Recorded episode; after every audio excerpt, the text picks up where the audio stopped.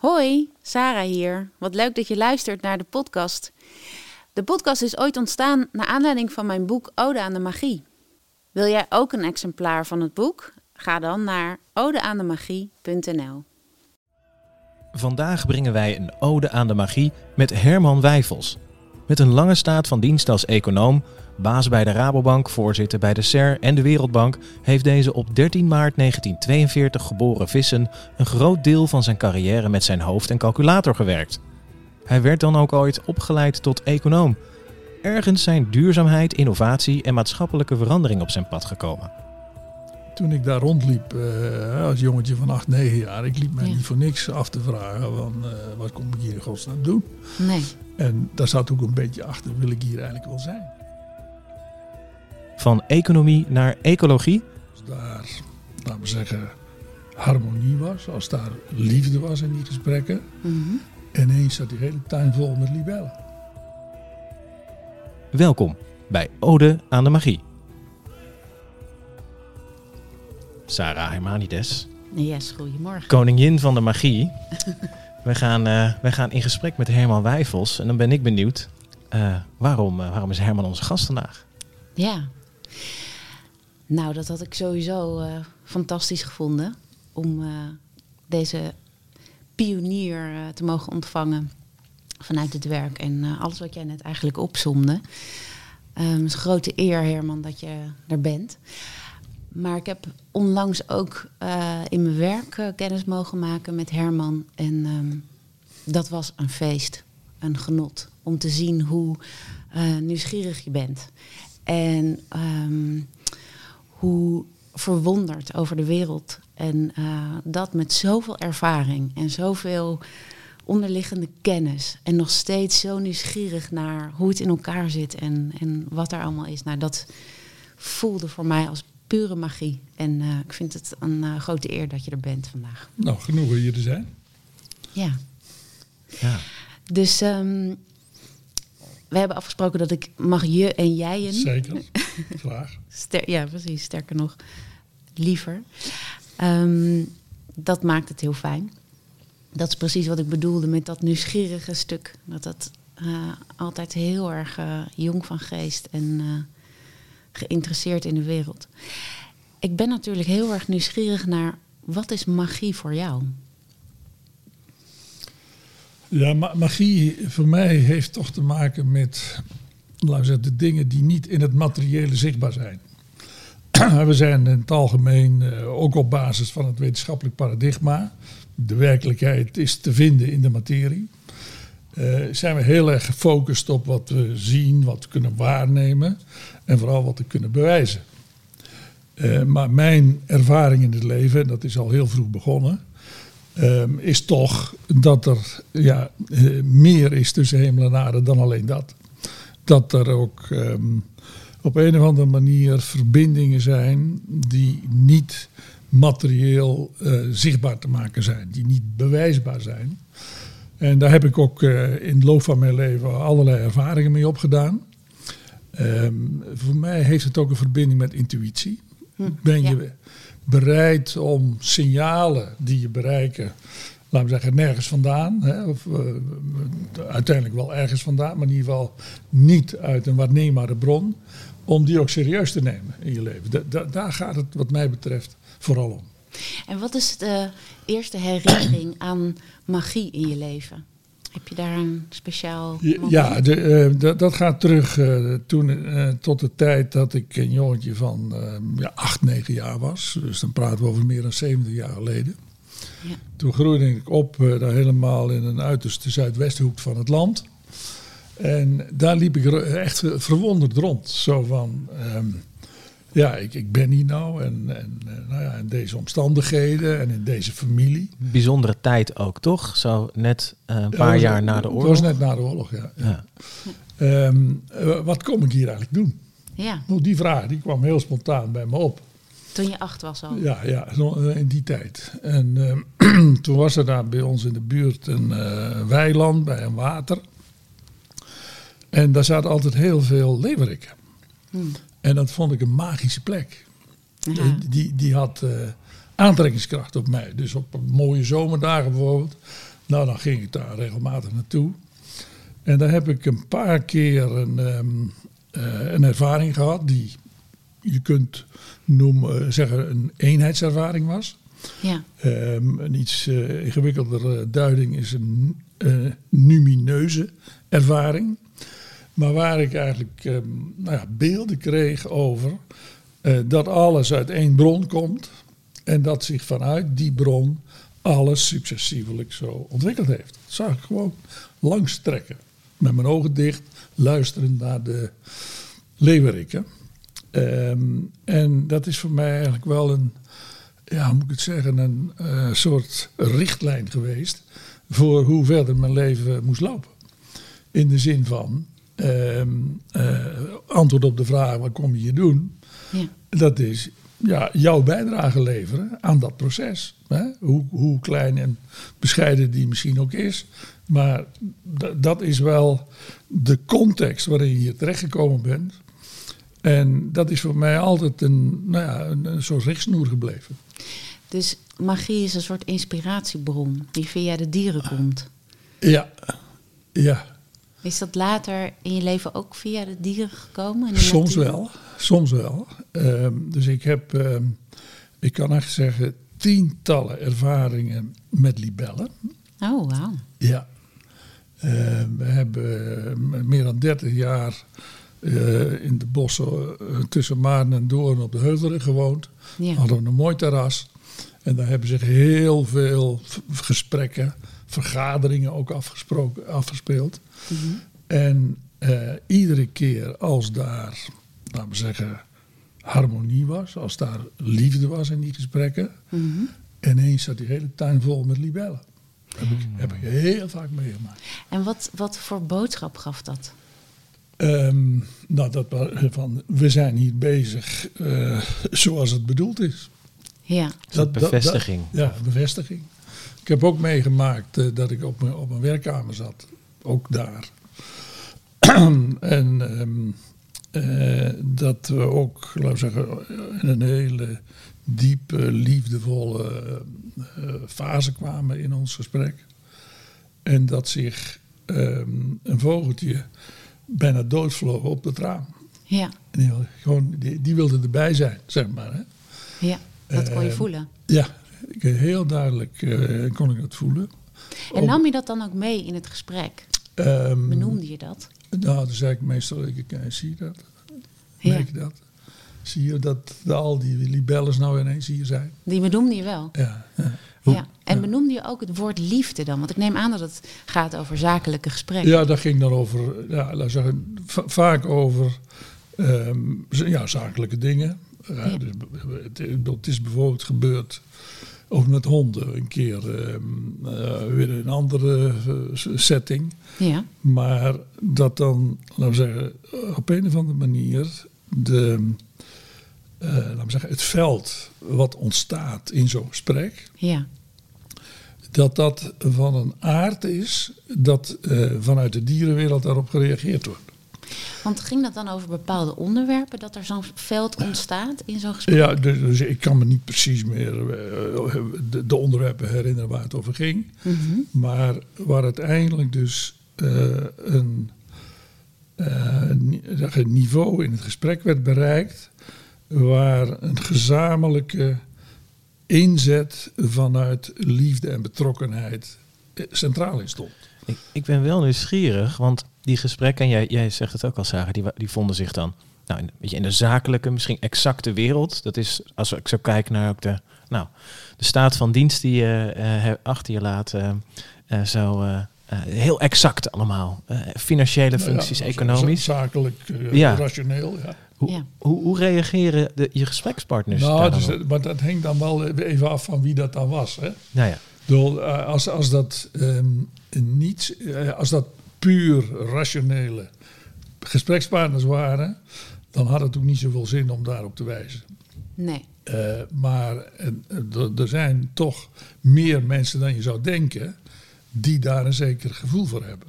Ja. Dus ik, ik herinner mij bijvoorbeeld uh, de gesprekken die ik gevoerd heb met de um, voorzitters van de FNV-bonden. Dus op een bepaald moment was er een crisis in de FNV. En toen eh, ben ik eh, gevraagd, eh, samen met Han Noten, om nou, een uitweg uit die crisis te vinden. Was toen rondom eh, Agnes Jongerius en, en, en, nou, die, die generatie. En ehm, toen was er een van die voorzitters die op een bepaald moment zei: Dit is een magische plek. Hm. Dus die voelde dat, de, vond ik zelf ook hoor. Hij Waar- gebruikte ook dat woord. Waar, ja, waar wij, daar, waar wij daar meer dan 30 jaar gewoond hebben, Ja. dat was een hele bijzondere zeggen, energieplek. Hè?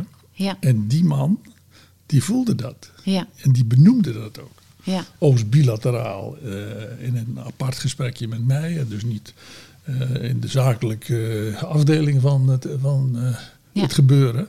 Maar die voelde dat. Hè? Dus die had, die had het idee, hier, kijk hier hangt een bijzondere energetische sfeer. Hè? ja. En dan binnen die context Ja, kon je wat zeggen over de libellen. precies. Die precies op het juiste moment binnenkwamen. ja, ja.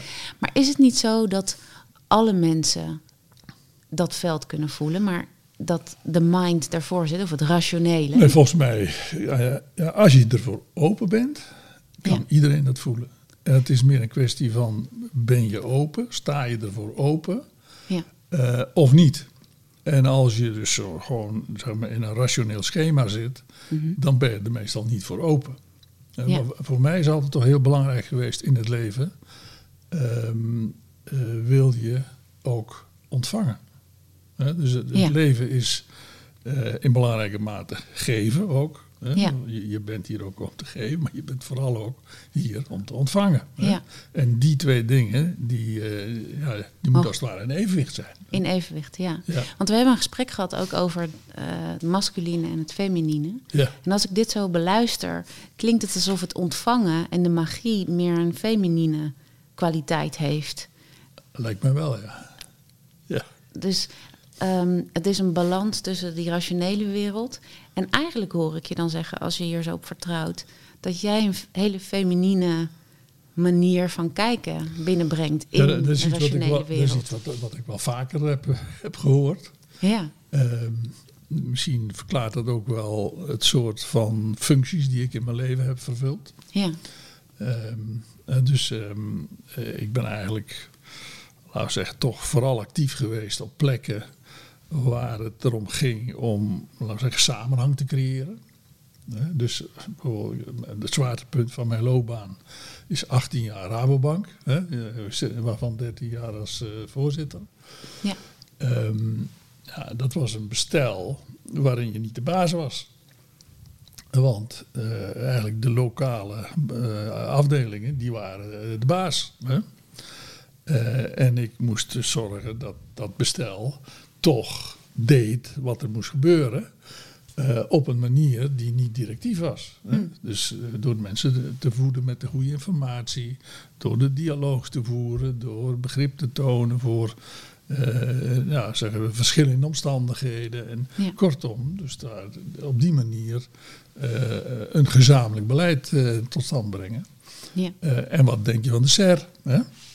Ja. Idem dito. Hè? Dus, dus, dus nou zeggen, dat zijn ja, kwaliteiten die op een of andere manier ik dus kennelijk had. Die juist in dat soort contexten eh, tot zijn recht kunnen komen. Wat is het meest magische wat je in die rationele context hebt meegemaakt?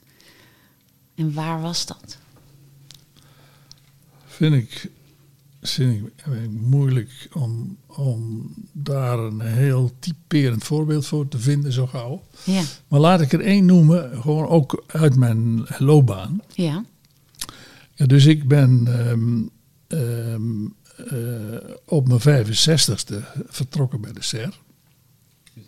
Even de Sociaal-Economische Raad. Want ik weet niet of iedereen nee, namelijk precies. dat... eh, ja. Ja, oké. fijn om Ja. het genoemd te hebben. ja, ja, precies. Ehm, dus de- nou ja, met pensioen. Ja, En ehm, we- een van onze kinderen die woont in Nieuw-Zeeland. En wij waren eh, toen met de kerstdagen, dus, eh, deze tijd maar een maandje later, in Nieuw-Zeeland. En dan kreeg ik een telefoontje eh, van ehm, de toenmalige minister van Ontwikkelingssamenwerking of ik misschien iemand wist eh, om Ad Melkert op te volgen bij de Wereldbank. En nou heb ik wel vaker van dit soort dingen meegemaakt. Dat ze vragen, weet jij iemand? Dat ze eigenlijk uh, willen, anders bedoelen. willen weten of je zelf interesse zou hebben. Ja. Nou ja, in, in de loop van dat gesprek kwam dat er ook zo uit. en Ja. nou ja, ik was net met pensioen. Ja. Ehm, eh, 65 op dat moment. Was het zo? Ik was al iets ouder zelfs. En ehm, ik kon wel 30 redenen bedenken waarom nog op die leeftijd naar Washington gaan en daar wonen enzovoort. Nou, misschien toch eigenlijk niet zo verstandig zou zijn. En toch, tegelijkertijd, wist ik intuïtief, dat moet ik doen. Was een groot ja. Ja, ja. En, en nou, toen hebben we eh, gezegd, mevrouw en ik, eh, ja, we gaan dat even rustig eh, bekijken. Maar uiteindelijk, ook bij haar, was het eh, sterke gevoel, om een of andere reden, misschien niet rationeel, moeten we het doen. Dus we hebben dat gedaan. En ehm dat was eigenlijk ook een functie die meer geschikt was voor, laten we zeggen, mensen ergens halverwege hun carrière. Ik ben ook opgevolgd door dat soort mensen meestal. En daarvoor ook. Ja. En ehm, eh, toen was ik eh, in, dat was 2006, net in ehm, Washington. En toen kreeg ik overigens daar de vraag om het kabinet Balken en de Vier te formeren. Ja. Toen ben ik teruggekomen, heb ik gedaan. In of in zes weken of zo. Eh, heel, wat sneller. dan- dan- Ik hoor hier toch een eh, kritisch, kritisch geluid. ja. Eh, maar toen ik terugkwam in Washington, dat was in februari 2007, toen was daar een groot eh, probleem met de president van de Wereldbank, en meneer Wolfowitz. Ja. En ehm, die had iets gedaan voor zijn vriendin, wat eh, helemaal in strijd was met de reglementen van de bank enzovoorts. En, eh, nou, dat, dus op een bepaald moment eh, in de board moest eh, bepaald worden hoe gaan we daarmee om. En eh, wat ik me daarvan herinner is dat eh, zowat iedereen uit het ra- raam keek toen de vraag was, ja, wie kunnen we nou aanwijzen om dat varkentje te gaan wassen? Ja. En nou, uiteindelijk ehm, eh, bleef de wijzer bij mij staan. En ik heb dat dus dat moeten doen. En eh, nou ja, ik heb ook gedacht, joh, eh, mijn carrière is klaar, dus eh, wat kan mij overkomen? Hè? Maar goed, ik heb dat opgepakt. Kennelijk is dat nu iets wat ik hier moet doen. En ehm, nou, we hebben dat in een commissie allemaal zeg maar, keurig opgeschreven wat die man verkeerd had gedaan. en toen ehm, eh, was de vraag, als wij nou ons rapport, dat die man eigenlijk niet handhaafbaar is, in de boord brengen, eh, hoe wordt er dan gestemd? En toen zei de een naar de andere, die met mij eens was dat die Wolfowitz weg moest. Maar als ik eh, moet stemmen op last van mijn hoofdstad, dan weet ik niet of ik wel met jou mee mag stemmen. Eh, de Fransman onder andere zei dat, want dan komen dus geopolitieke overwegingen enzovoort. Dus ik zat met het probleem daar. Ik ehm, eh, heb een duidelijke conclusie getrokken samen met mijn collega's. maar als we er in de boord over moeten stemmen, wordt het misschien weggestemd. Ja. En wat er toen gebeurde, en dat is dus zo'n ding uit, uit de magie, vind ik zelf, ja, ik ben heel benieuwd. was dat eh Wolfhuis die had een advocaat. En Ja. die advocaat die had ons rapport eh, om commentaar te leveren. En vervolgens had hij dat helemaal herschreven eh, op de cruciale punten. En eh, gelekt naar de pers. En op dat moment, eh, en ik beschouw dat dus als een hulp vanuit een andere dimensie, Ja. kon ik de beslissing nemen om ons rapport ook naar de pers te sturen. Ja. En toen kwam dat in de pers. En toen onmiddellijk de Financial Times en zelfs de Wall Street Journal. Die eh, trokken de conclusie. eh, dit ehm, kan zo niet doorgaan. Die man moet weg. En toen was het gebeurd. hè. Ja. Dus- Goddelijke interventie. Dus, dus door, doordat op een of andere manier Ja. die advocaat die domme keuze maakte om eh laten we zeggen, op voorhand Ja. te lekken, kon ik eh, de finale zet maken buiten mijn boord om. En uiteindelijk hebben Bush, die toen eh, president was, en Blair, die toevallig in Washington was, de conclusie getrokken: ja, nee, nou dit eh, op tafel ligt, nou moet hij weg. Hè? Dus Ja. dat, dat is in, zo'n zakelijke setting. Ja, is, is dit mee overkomen. Dus als ik erop terugkijk, dan denk ik, ja, ik moest daar helemaal niet naartoe. eh, om daar nog een paar jaar, eh Nee. laten we zeggen, die rol te vervullen. Maar om dit te gaan doen. Maar om eigenlijk die feminine kracht in te zetten. Ja. Om het te laten gebeuren en te luisteren naar Ja. wat het universum in petto heeft. In, in zo'n masculien landschap. Een ontzettend masculien landschap. Ja.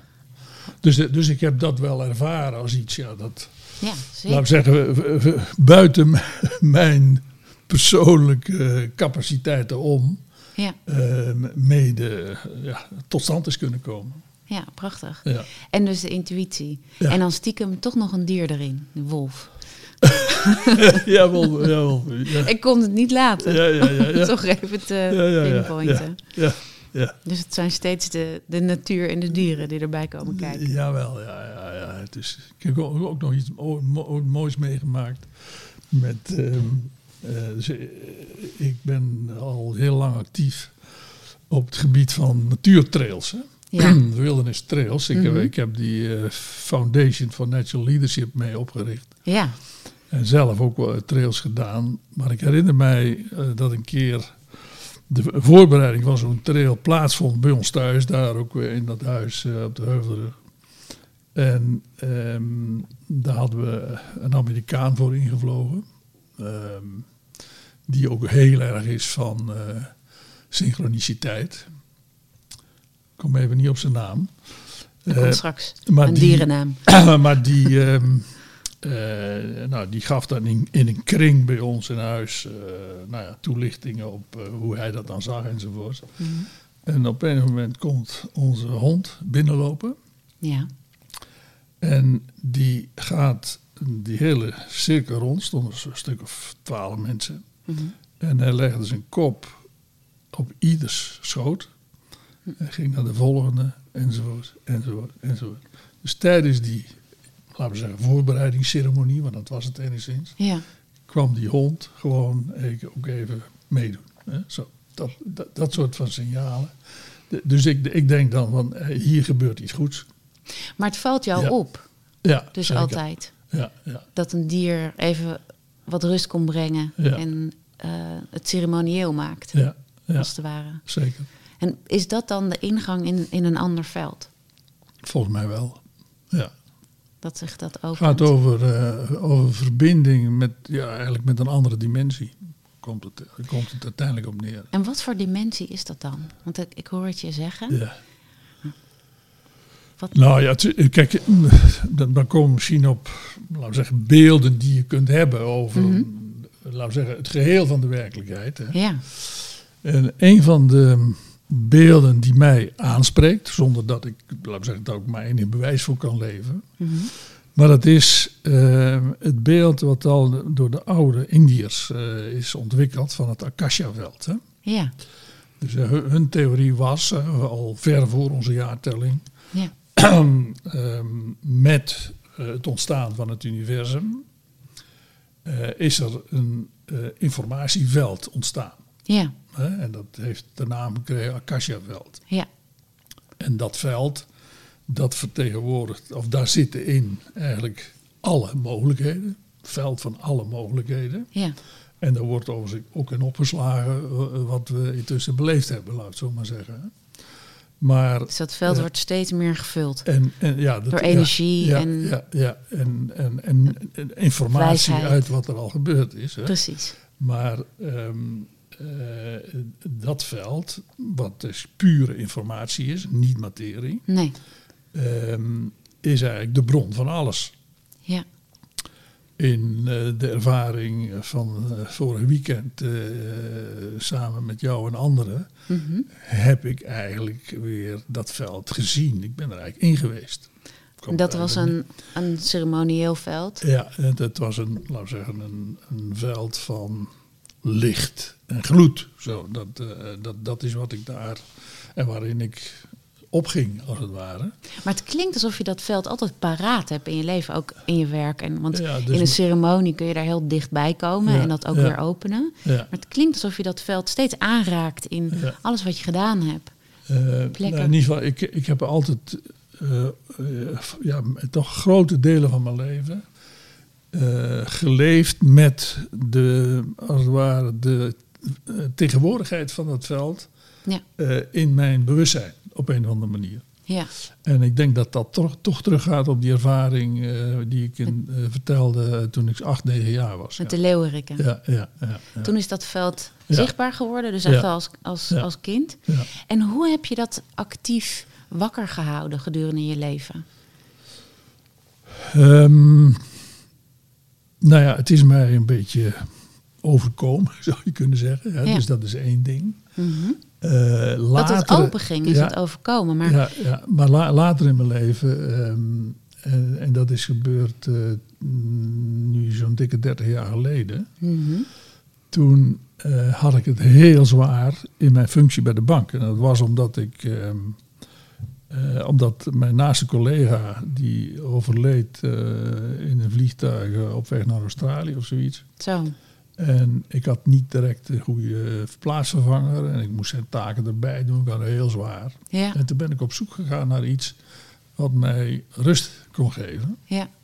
En toen ben ik terechtgekomen bij een zenleraar. Aha. En die heeft mij dus eh, zittend eh, heel strak op dat kussentje eh, leren mediteren. Maar hoe kom je dan bij zo'n zenleraar? Als nou je ja, dus, de, dus de, de- ja, toeval. Was dat via de bank? Of? Nee, nee, nee, oh nee. Oh nee. Was nog geen Google eh, 40 jaar geleden of Geen 30 jaar geleden. Sprake van. dus, eh, Dus toe- toeval? toevallig, toe- nou toevallig, Ja. even tussen haakjes hoor. Ja, Afgelopen vrijdag, nee, Mhm. afgelopen ehm, donderdagavond ja. heb ik voor die zenleraar eh, en zijn huidige kring van mensen die hij in begeleiding heeft, een lezing gehouden Ja, over de wereld van nu. prachtig. En toen kwam dat nog weer even terug, want hij was net begonnen, was een jonge vent. Maar dat is heel toevallig hè, dat het Ja. nu gebeurt. Ja, hij was net, net begonnen.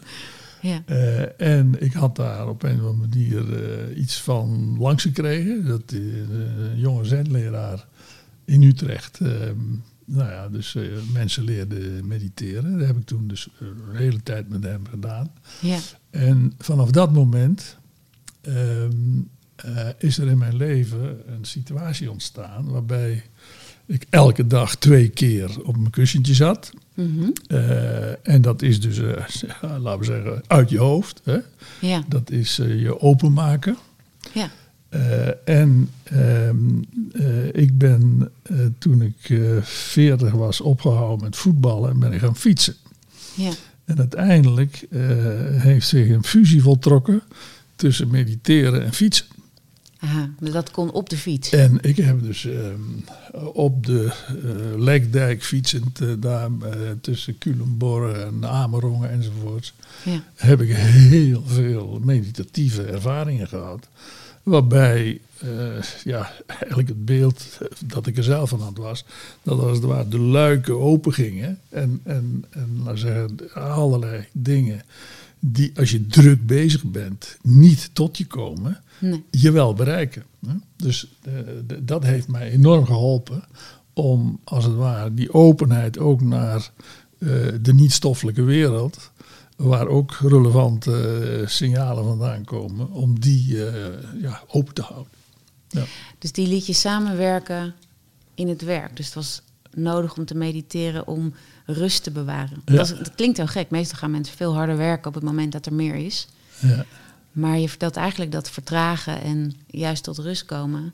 dat veld Ja. toeliet om, om mee te laten Nee, werken. dus dus eh, ik, ik merkte ook dat ik dat wel nodig had. Hè. Dus eh, uiteindelijk is het ook een eh, reactie op eh, zoals het leven zich aan jou manifesteert. Hè. Ja, Dat is überhaupt de manier waarop ik er naar kijk. Hè. De- ik beschouw het leven als een dialoog tussen wie je in essentie bent. Eigenlijk jouw zielsopdracht, als je het zo zou willen noemen. Ja. Eh, en zoals het leven zich aan jou voordoet. En, en je eh, dialoog gaat over wat jij dan aan de mogelijkheden die zich aan jou presenteren wil kiezen, omdat dat het beste correspondeert met wie jij in essentie bent. Ja, maar En- dit, dit klinkt heel mooi, hè, maar voor de luisteraar, een, een levensmissie of een levensopdracht, hoe, hoe stel je daarvoor open? Hoe, hoe, hoe weet je dat? Hoe was dat voor jou? Hoe wist je wat je Nou, te dus- doen had? nee, dat, ehm, eh, dat, dat weet je niet. Ehm, maar het is, eigenlijk is het leven een zoektocht naar wat dat is. En Dat is op, elk moment in je leven ehm, kunnen zich, ja, laten we zeggen, een, nieuwe mogelijkheden voordoen. Ja, Of nieuwe noodzaak voordoen, want dat kan ook. En op dat moment is het cruciaal dat je bereid bent om die dialoog te voeren. En je open te stellen voor wat op dat moment in jouw leven de bedoeling is. Hè? Dus ehm, dus open te staan om te luisteren naar wat je gegeven wordt. ja, En dan is het dus heel erg belangrijk om Ja. die twee ja. met elkaar te verbinden. ja, dus laat ik dat ook heel concreet maken. Ehm, ehm, het- ik was al heel vroeg hoog, laat ik zo maar even zeggen. Ja. Dus, eh, eh, door door ehm, nou, bepaalde familieomstandigheden, ouders vroeg overleden en ik was de oudste. kreeg heel snel hele grote verantwoordelijkheden. Ja, ja, ja. Dus ik, ik was heel jong, heel verantwoordelijk. Hè. Dus ik, Ja. ik op mijn twintigste ben ik, noem ik dat zelf, in een verantwoordelijkheidsplooi gelegd, als het ware, Door het leven. door het leven. Eh, en Maar daar, je, hoe, je had hem niet hoeven pakken, maar jij pakt die nou ja, nou, verantwoordelijkheid. ja, ja, zeker. Het, het, het alternatief was het gezin opheffen. Hè. Dus eh, nou, mijn keuze was heel duidelijk. Wij blijven bij elkaar ehm, tot iedereen zijn opleiding af heeft en eh, zijn verdere weg in het leven kan volgen. ja. Maar goed, ik was dus jong, zeggen, ervaren in verantwoordelijkheid dragen. ja. Dus ik was heel snel, heel hoog, in dat geval in de am- ambtelijke dienst. Ja. Maar ik kreeg al, dus ook toen ik eh, zeg maar voor in de dertig was, al hele mooie aanbiedingen van bedrijven. En ehm, ook voor, eh, halverwege de dertig ook al een keer om een ministerspost te gaan doen enzovoort. ja. En iedere keer in die dialoog die ik dan mezelf oplegde, als het ware. Ja. Want, hè, luister nou heel goed naar wat jouw innerlijke stem zegt. Hè. Luister heel goed naar je innerlijke stem. En wa- want waar zit keer- dan die innerlijke stem? Want dat, dat vragen mensen mij ook Ja. heel vaak. Van, ja, ik wil wel luisteren, maar. Waar, waar, waar, waar komt die vandaan? Ja, dat, dat eh, kun je niet, ehm, eh, laat me zeggen, lo- eh, lokaliseren. kun Nee. je niet lokaliseren. Maar het begint wel bij ehm, eh, het geloof, want dat is het, dat je hier niet zomaar bent. Oké, dus je, het begint met het vertrouwen. Het begint met een verantwoordelijkheid. Ja, dus eh, durven ik, nemen? ik zeg er wel van, eh, elke ziel incarneert Mhm. om een reden, Oké, om hier iets te komen doen. dus iedereen Dat heeft hier dat, een missie. dat is mijn stelling. Mijn stelling, op basis van mijn eigen ervaring. En als je, als je dus die stelling aanvaardt, ja, dan ehm, ehm, eh, kom je dus in, een, in die dialoog terecht bij hè, wie ben ik, wat is iets eh, om te doen wat appelleert aan wie ik ben. Eh, en je kunt dat eh, verheven eh, benoemen als ehm, eh, mijn bestemming op dit moment in mijn leven. ja, maar het gaat erover dat je je niet laat afleiden door prestige, door eh leaseauto's, eh, door salaris. en mensen noemen Eh, dat ook wel eens ego. Ja, hè, en maar dat je dus echt probeert vanuit wie jij bent Ja, eh, te kijken wat is de plek in de maatschappij op dit moment in mijn leven waar ik het beste tot mijn recht kom. en ben je in je leven wel eens heel ver af geweest van die stem? Nee, Nee, nee. dat weet je heel zeker. Ja, ja Ah. want ik heb, ik heb eh, echt van allerlei mooie dingen mogen doen in mijn leven. Mhm. En ik heb, ook als ik er nu op terugkijk, nergens waarvan ik zeg... eh, dat had ik niet moeten doen. Of daar zat ik niet op mijn plek. Dat, dat de stem misschien wat meer op de achtergrond was. Dat, dat dacht ik net misschien te horen te- in die tijd dat de collega eh, was overleden. En er even ook heel veel was in het hier en nu om te doen. Ja. Dat, eh, dat zo'n stem, dat, dan moest je hem opzoeken met Nou ja, hulp van de zenleraar. Ja, ja maar dus, eh, het, ik bedoel, het was wel duidelijk dat ik daar op mijn plek zat. Alleen het was even zoveel Ja. dat ik er slecht van ging slapen. Dus hè. betekent dat dan Ja. dat je een klein beetje uit je midden bent en dan op zoek gaat naar hoe. ja, hoe, ik kan- mijn hoe, midden hoe, kan weer? ik, hoe kan ik zorgen dat ik, laten we zeggen, ehm, in alle drukte eh, en druk die er is, eh, ja, het hoofd koel houden. Want daar komt het toch eigenlijk op neer. Ja. En me niet eh, laat, zeggen, lood- laat overweldigen door die drukte. En ook de prioriteiten goed stel. En eh, Ja. eh, wel zorg dat de hulp die ik wel kan vinden, dat, dat ik die ook inschakel en, enzovoorts. Hè. Dus Ja. het, het is dan toch eh, een stukje afstand nemen. Ehm, la- laat ik het nog op een andere manier illustreren.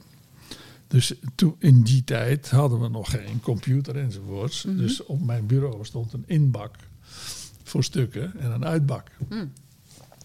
En ehm, wat ik altijd eh, als eerste, op, als ik op kantoor kwam, deed, was zorgen dat die inbak zo snel mogelijk leeg was. Mhm. En eh, dat het weer in de uitbak zat. Eh, en eh, onderdeel van die selectie was overigens dat er dan dingen bij zaten waarvan ik nou, nog niet zo gauw wist wat ik daarmee aan moest. Mhm. En die legde ik op een stapeltje apart. En dat was het stapeltje rijpen. Maar ik was dus al vroeg in de dag klaar met nou, dat werk. En eh, dan had ik dus eigenlijk een leeg bureau. Ja. Maar in- als je een leeg bureau voor je hebt als leider van een organisatie, dan ontstaat er ruimte om te doen waar jij ervoor bent. Dus je werd niet overgenomen door de waan van de dag, Nee. omdat je? Dus, de hele dag bezig was met ja. Ja, want je kunt, je kunt je dus eh, helemaal begraven in, in het eh, regelen van dingen enzovoorts. Maar als je aan de leiding van een organisatie staat, maar oh, dat geldt ook wel voor, voor andere contexten, moet je wel zorgen dat datgene waar jij in essentie voor staat, Dat je daar dat, ruimte dat krijgt. hè. Ja. En, en Maar is dat daarbij, ook niet zo dat heel veel mensen dat niet doen om te kunnen ehm, schuilen voor Tuurlijk, de essentie? tuurlijk, Dus wat je eigenlijk zegt is, ik, ik wil niet schuilen voor waar, waar ik hier echt voor kom. zo is het. En ehm, dat hoor ik ook eigenlijk in die verantwoordelijkheid. Dat je die al heel vroeg hebt moeten nemen van het Ja. leven.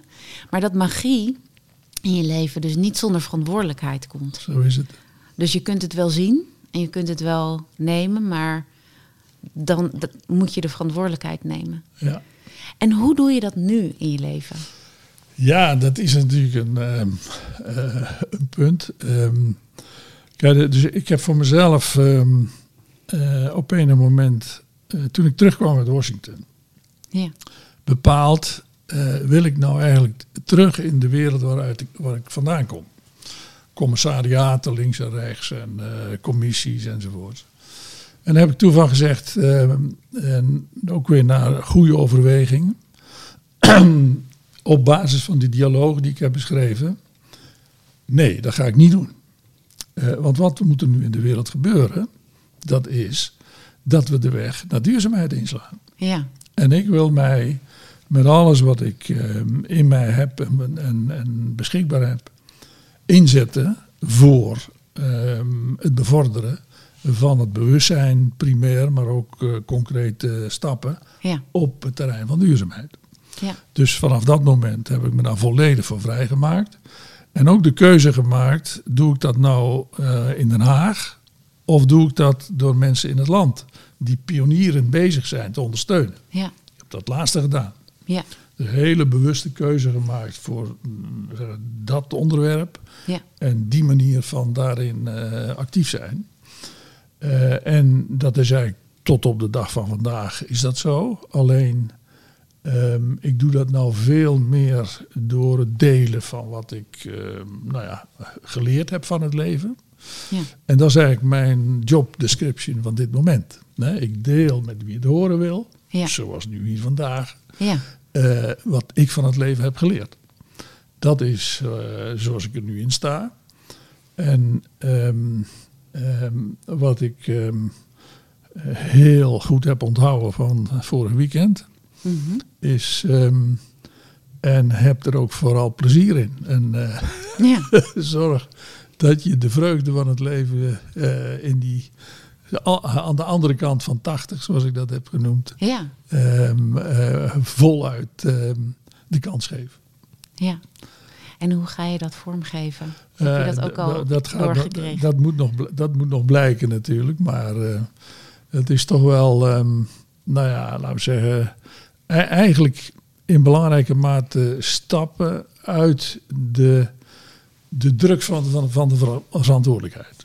Ik denk dat dat het, het eerste is. Dus dat ik denk van ja, kijk, er zijn nu... Stappen eh, uit de druk van de ja, verantwoordelijkheid. ja, ja, dus ik heb dat, voor mij is dat altijd... Dat zou dan de eerste keer zijn in je leven. Ja, ja, Dat is best wel een stap dan. ja, ja, ja, ja. Dan gaat er een groot acacia-veld voor je open daar. Ja, ja, aan de andere kant van Dat 80. bedoel ik, ik laat me daar weer verrassen. Maar, ja.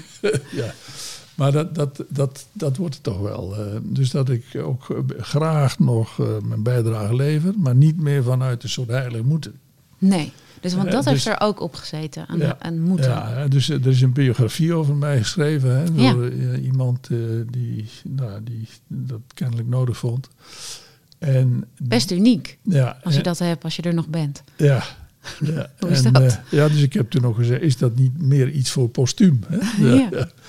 Maar ehm, eh, de titel van die ehm, biografie is De Opdracht.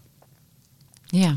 Hè, dus de, dat was uiteindelijk de afdronk van eh, nou ja, het verhaal wat die man, eh, die schrijver, is tegengekomen. Ja. Eh, en ehm, eh, ja, de opdracht. Dus, dus er heeft ook wel heel veel kracht op gezeten. En, en een zekere dwang van binnenuit. Dus nu in het Eh, niet en- weten. En de, de, dus die gaat eraf. Ja, die gaat Ja, eraf. Ja. Ik vind het ook wel leuk, want je, je kwam hier vanochtend aan. Toen zei je, ik heb een eh, klein operatietje gehad aan mijn hoofd. Ja. En eh, Lars, die eh, kondigde je net aan van, van hoofd naar hart. Dus ik vraag me af, is er dan nu een gaatje in het hoofd gekomen... om het hoofd nog leger te maken? Om Ja, vanuit nou, het dat hart... zal nog weer moeten blijken. ehm, maar ehm, ja, het is wel een, ehm, eh, wat je net noemt, is voor mij wel een belangrijk beeld. Mhm. Ehm, ehm, eigenlijk waar we op het ogenblik als mensen staan, dat is dat we onze wereld weer heel moeten maken. Ja? We hebben dus eh, in die industriële tijd met de methode van nou ja, eigenlijk het ehm, eh, benutten, sommigen zeggen legeroven van de aardse eh, bronnen. ja, ehm, eh, zijn we op een punt gekomen dat als we daarmee doorgaan, dat we het leven zelf om zeep hel- helpen. hè. Dat, dat is eigenlijk eh, evolutionair waar we staan. dat kan de mens. Ja, Eh, dus de, onze grote opdracht, noem ik het toch maar weer even, evolutionair gezien, nu van de mensheid in zijn geheel, Ja. is om zo te gaan leven dat we in harmonie zijn met wat eh, deze planeet eh, structureel, blijvend, duurzaam, houdbaar kan bieden. Eh, en dat is dus eigenlijk weer het leven heel maken. Hè. We moeten ook onze plaats als mens te midden van alle leven innemen en niet erboven hangen. nee, Ehm, eh, dus dat is een, een hele grote evolutionaire opdracht.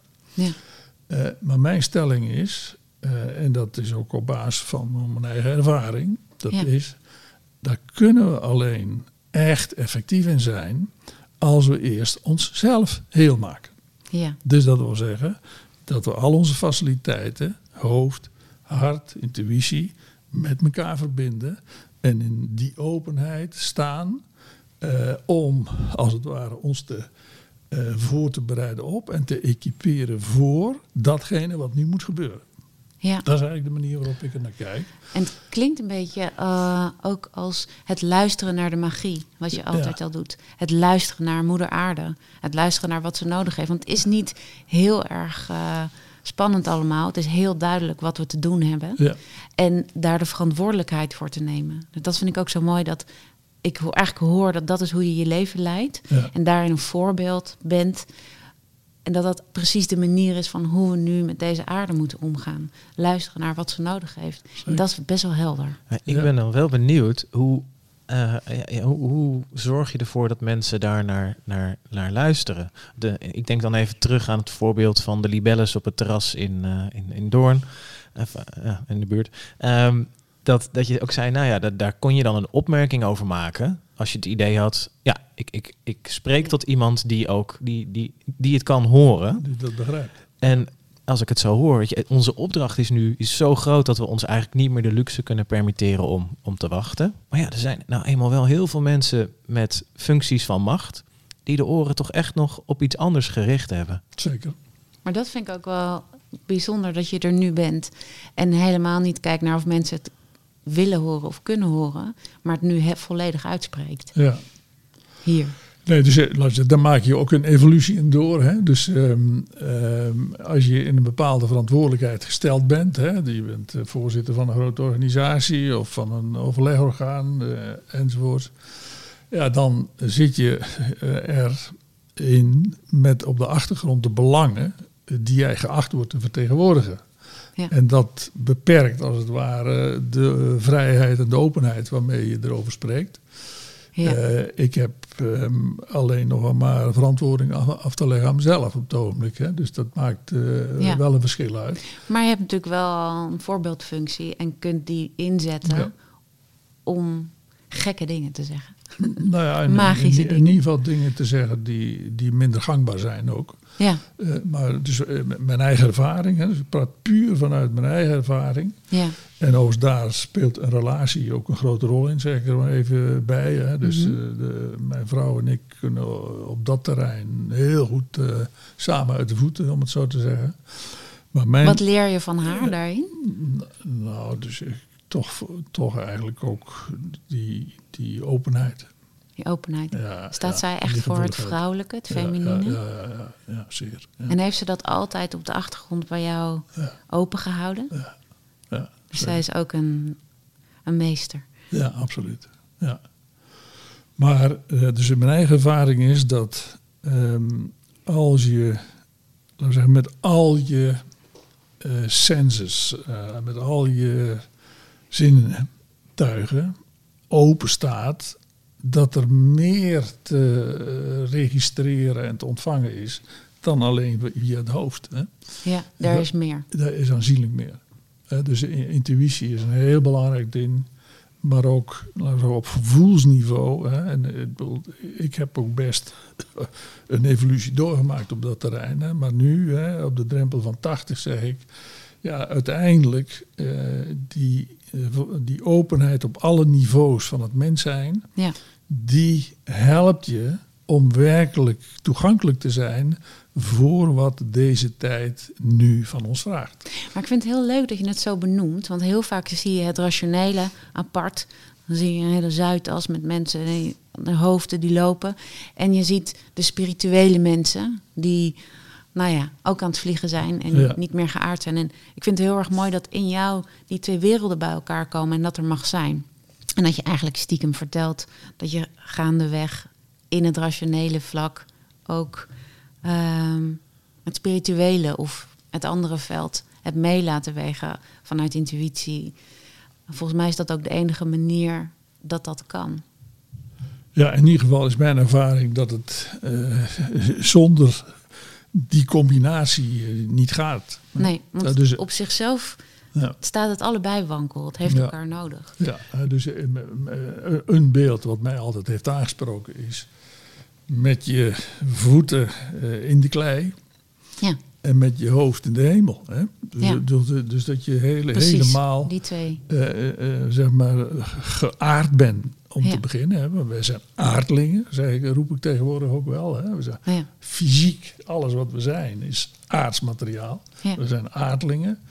Eh, maar je moet ook verbonden zijn met, laat maar zeggen, de, eh, voor mij is dat ook heel sterk, ehm, het evolutionaire pad. Hè. Dus ik, ik ben ook eh, nogal into het Taoïsme. Hm. Eh, en ja, de Tao is het pad, hè, het, kosmi- het kosmische pad. Ja. En het gaat erom om dat pad iedere keer op de best mogelijke manier de volgende stap te zetten. Hè? Ja.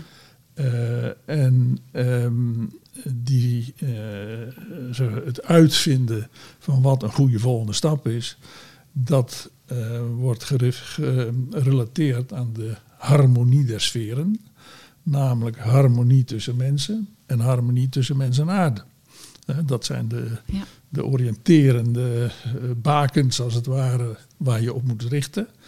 En nou ja, we hebben, als je daarnaar kijkt, nou, dan is er een hoop te doen. Hè? Ja, maar best verfrissend om dit te horen van een econoom. Dit nou, nou, nou, ja, ja dus, maar zo heb ik er wel naar leren kijken. Want heel veel mensen die juist in, in, in, in spiritualiteit bezig zijn, die vinden geld bijvoorbeeld vies. Is geld ook magisch? Nou, geld is um, onder andere gestolde menselijke energie. Ja.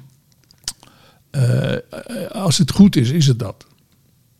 Dan is het um, um, zeg, de, de gematerialiseerde en gecondenseerde vrucht van uh, menselijke inspanning ja. om um, uh, zeg, het leven verder te ontwikkelen.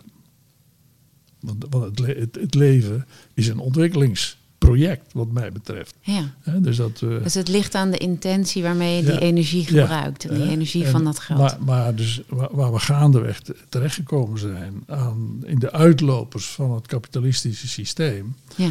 dat is dat het steeds meer geworden is um, uh, geld maken door uh, mens en aarde te gebruiken, zeker te misbruiken. Ja, want daar zijn we op uitgekomen. En, en daar zijn we dus uh, op uitgekomen. En het is ook uh, gekomen in een fase van wat we noemen financialisering. Ja. Waar je puur geld met geld maakt door te handelen in derivaten enzovoort. Ja.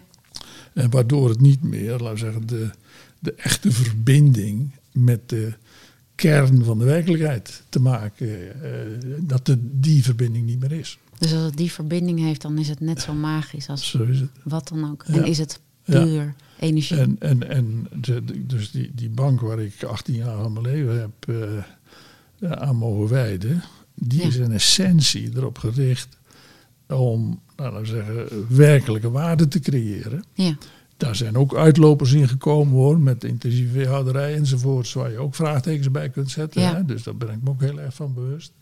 Maar eh, uiteindelijk, dat was waar het om ging. Hè? En daar zag je dus ook, Ja. zeg maar, achter de kassa als het ware, het gedrag van mensen. Hè? ja. ja, dus ook, daar heb ik ook, ook veel van geleerd. Hè? Hoe Ja, dat, eh, Dus we zien het overal in terug. Ja, In de aarde, Ja. in geld, in, Ja. in de business. ja, Wauw. ja. Ah, mooi. Ik ben wel heel benieuwd als jij dan, dan zou zeggen, nou, je heeft ergens die switch gemaakt. Kun je die pinpointen? Dat je zegt, nou, vanaf dat moment, misschien wel toen de verantwoordelijkheden langzaam begonnen af te nemen, ben ik meer naar buiten durven treden als het magisch wezen dat ik, eh, dat ik me eigenlijk vanaf mijn achtjarige al voel. Nou, ehm, kijk, het, heeft bij mij altijd wel eh, tot op zekere hoogte een rol gespeeld. Hè? Dus ehm, ehm, als ik gewoon zeg maar zou moeten zeggen, wat is mijn levensfilosofie door de jaren heen geweest, dan is dat toch in essentie geweest. Ik ben hier hè, op basis van die eenheidservaringen uit mijn jeugd om mijn bijdrage te komen leveren. En dat doe ik eh, via die eh, dialoog die ik beschreven heb.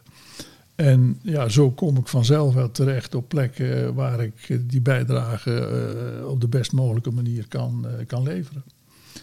Eh, en daar heb ik altijd bij eh, gevoeld eh, via de intuïtie dat ik daarin geholpen werd. Nee, zo, zo is het wel. Dat ik echt daarin geholpen ben om te komen op plekken waar ik nou ja, het beste zou kunnen floreren. Hè? Want uiteindelijk gaat het in de, wat mij betreft in de ontwikkeling, letterlijk uit de wikkels halen van de potentie uit Ja. dat veld, uit dat Akasha-veld, Ja.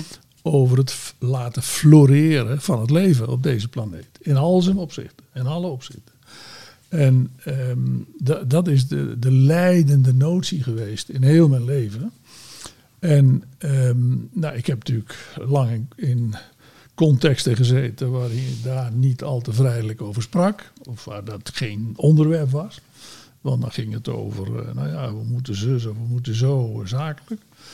Ehm, maar dat heeft bij mij altijd wel een rol gespeeld. Dus er is niet een, een tipping point van zeggen, nou, eh, alleen ik ben ja, door eh, minder in formele posities te zitten, wel vrijer geworden in daar ook over spreken. Hè?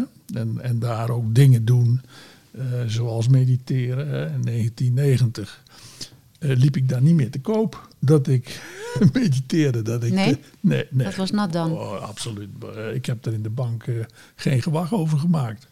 Terwijl de, de Rabobank nu eh, een van de Ja. organisaties is die met organisatieopstellingen, familieopstellingen Ja, werkt. ja, Ja, grappig. Ja, dat- wij hebben ze in de paardenbak gehad. Ja, zie je een enorme evolutie intussen natuurlijk. Ja. Maar, dus Ja. ik was er altijd op meerdere van dat soort dingen. hè. Dus ook- ik geef je nog een, een voorbeeld.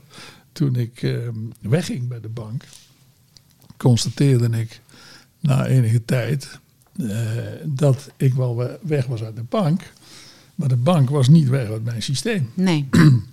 En toen heb ik een eh, vaste kuur gedaan. Had ik trouwens eerder ook alles gedaan. Eh, maar dat hielp dus ook om... Om los te laten. om om, om de, de zwaarte van die grote instelling, 60.000 medewerkers in mijn tijd, om die kwijt te raken. Maar is het dan niet zo, want als je dat zo noemt, als de bank in jou zit, is het ook een reflectie van jou? En wij zeggen heel vaak, als je iets niet durft te zeggen of niet durft vrij te geven, dan ben je er in jezelf nog niet klaar voor. Dus Ja. was die bank er misschien wel klaar voor dat je zei, goh, ik mediteer. Maar dat je zelf daar nog aan moest wennen op bepaalde gebieden. En dat je nu in je leven eigenlijk daar helemaal klaar voor bent. Omdat je het gewoon zo in de podcast Ja. helemaal durft te Ja, benoemen. de- ja, dat is ook zo. Ook, ook al wel eerder hoor. Dus eh, ik heb be- best ook, ook met die, ehm, die trails. Hè, dat is ik begonnen, Ja. dat is inmiddels bijna twintig jaar geleden. Dat, Ja. eh, dat ik de eerste keer zoiets deed. Ehm, dus dat is een geleidende schaal geweest. ge- En kreeg je daar ook negatieve reacties op? Nou, ik kan me herinneren eh, dat toen ik ehm, eh, weg was bij de bank en met name ook bij de SER de duurzaamheid binnenhaalde. Ja. En ook wel eh, rondom maatschappelijk verantwoord ondernemen dingen begon te zeggen die in het bedrijfsleven toen nog tamelijk revolutionair waren. Dat er werd gezegd, ja, sinds Herman bij de bank weg is, is hij toch een beetje de weg kwijt. Een beetje weet doorgeslagen. Ja. wel, weet wel. Dus eh, ja, nou ja. Dat is ook wel mooi, dat contrast. Dat, Ja. je, dat het lijkt alsof je een beetje de weg kwijt bent. ja. Want dat betekent dat je iets aan het doorbreken bent. En dat je onderweg, bent. Ja. En, en wat is het leven anders dan onderweg zijn? Ja. Wat, wat, geef je je kleinkinderen mee als advies voor het leven? Nou ja, dus eh, ik ben daar nog. eh, dat doe je niet al te expliciet. Eh, dus dat gaat meer impliciet. Mhm. Door te zijn wie je bent. Ja. Door te leven zoals je leeft. Door het voorbeeld te zijn. Eh, ja, gisteren eh, was eh, een van onze kleindochters jarig. Die werd elf. Hm. Eh, die hebben een, ehm, een mooi vogelboek gegeven. Met ehm, eh, prachtige platen van vogels. Hm. En gedichtjes erbij. Hm. Ehm, ja, en dat is dus een signaal hè, van. Ja. Hè, zo, zo, doen- zo De poëzie van de natuur. Ja, ja En stond de leeuwerik er ook in? Eh, ongetwijfeld. Maar die heb je niet Ik opgezocht. heb er niet opgezocht. Nee, nee, nee. Het is gewoon eh, voor elke dag één. Oké. Eh, dus de leeuwerik zal er ongetwijfeld in staan. Maar nee, daar heb ik niet, ehm, niet nagetrokken. Is dat je grootste liefde, de vogels? Ehm, kan ik niet helemaal zo zeggen. Ehm, we hebben ook een hond en die, ja, die is eigenlijk, eh, daar praat ik mee. Hm.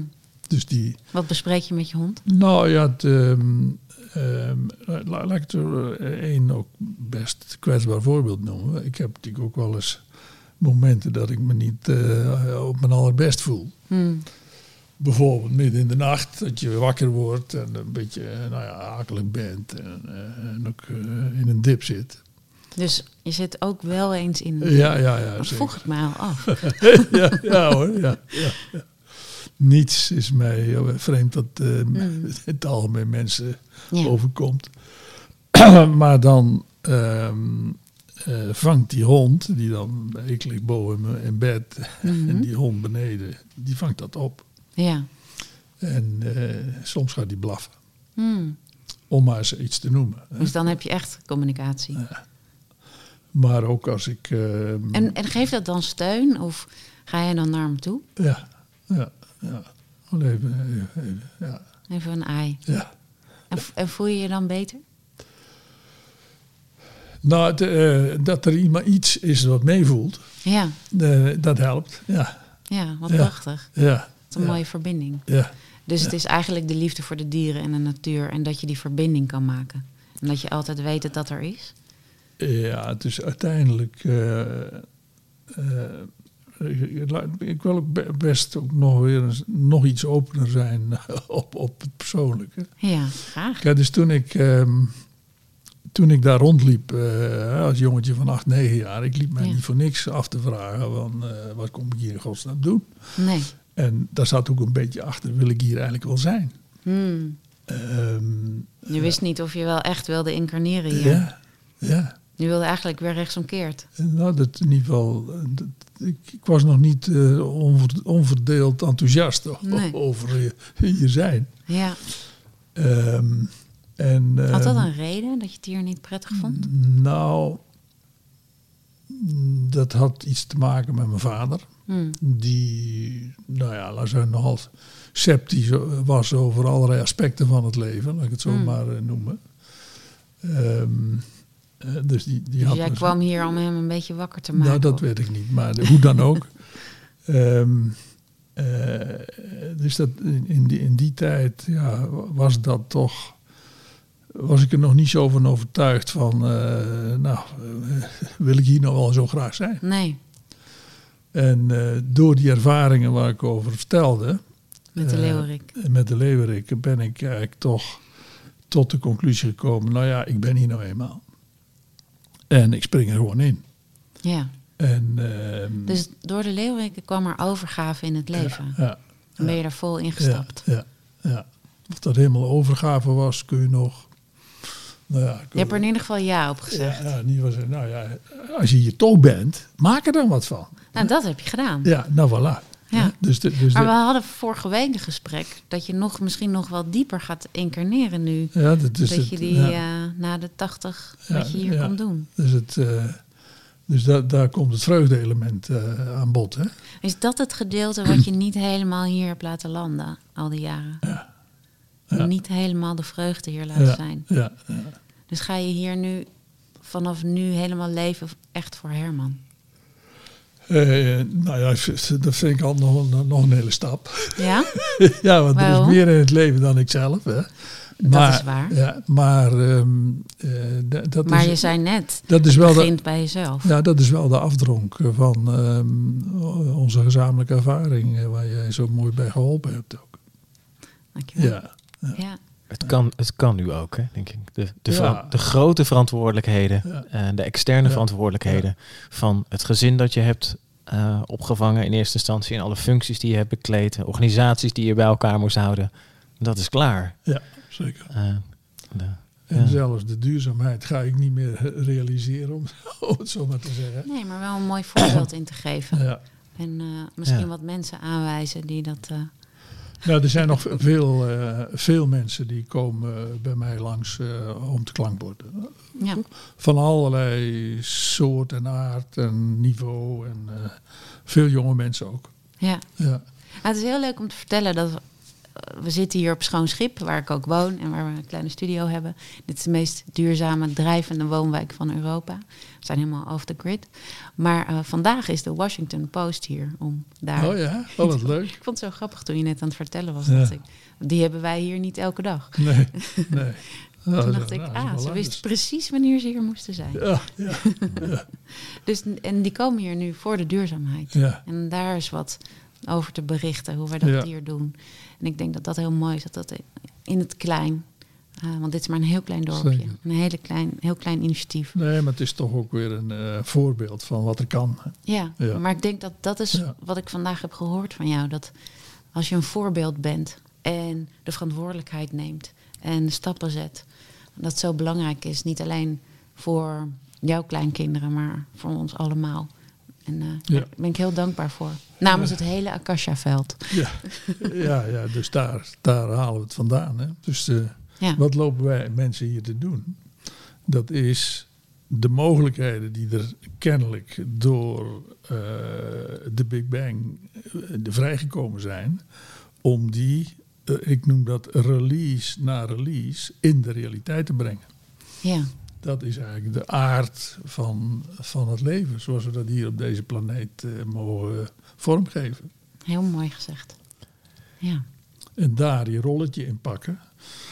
In de dialoog tussen wie jij bent en wat jij hier komt doen en de realiteit zoals die is. Ja. Dat is waar het over gaat, wat mij betreft. Ja. En wie zou jij willen horen in een gesprek over magie? Wie, wie moet ik hier nog meer uitnodigen? Ja. Dus niet, niet onmiddellijk iemand die bij mij eh, naar boven komt. Ik zou eigenlijk wel ehm, heel interessant vinden, als, als dat zou kunnen, om Sigrid Kaag daar eens over te, Sigrid Kaag. te horen. Dat lijkt mij ontzettend leuk. Mag ik dan Eh. zeggen dat jij zei dat ze moest komen? Ja hoor, dat mag. ik weet niet of, of ze daar eh, zeg maar een argument in zou vinden. Maar eh, omdat, omdat ze, dus zij ehm, is ehm, spiritueel. Ja. eh, in een partij die eh, heel rationeel is, van origine zeker. Ja, En dat vind ik een hele boeiende combinatie. zeker een boeiende combinatie. ja, En ze is een vrouw die nog wel ook vrouw blijft ja, ja in, zeker. eh, in die wereld. zeker. Nou, we gooien dat gewoon het veld in. Ja, en het er is, er is iemand die luistert, misschien wel Sigrid zelf. Ja. En dan gaat dat wellicht gebeuren. Ik ga daar eh, achteraan en ik laat het universum me helpen. Ja, heel goed. Dankjewel eh Herman en dankjewel Sarah. Eh, en jij bedankt voor het eh, luisteren. En als eh, dit magie heeft opgeroepen in je leven, hou deze podcast dan niet voor jezelf, maar eh, delen met iemand die wel wat magie kan gebruiken. Tot de volgende.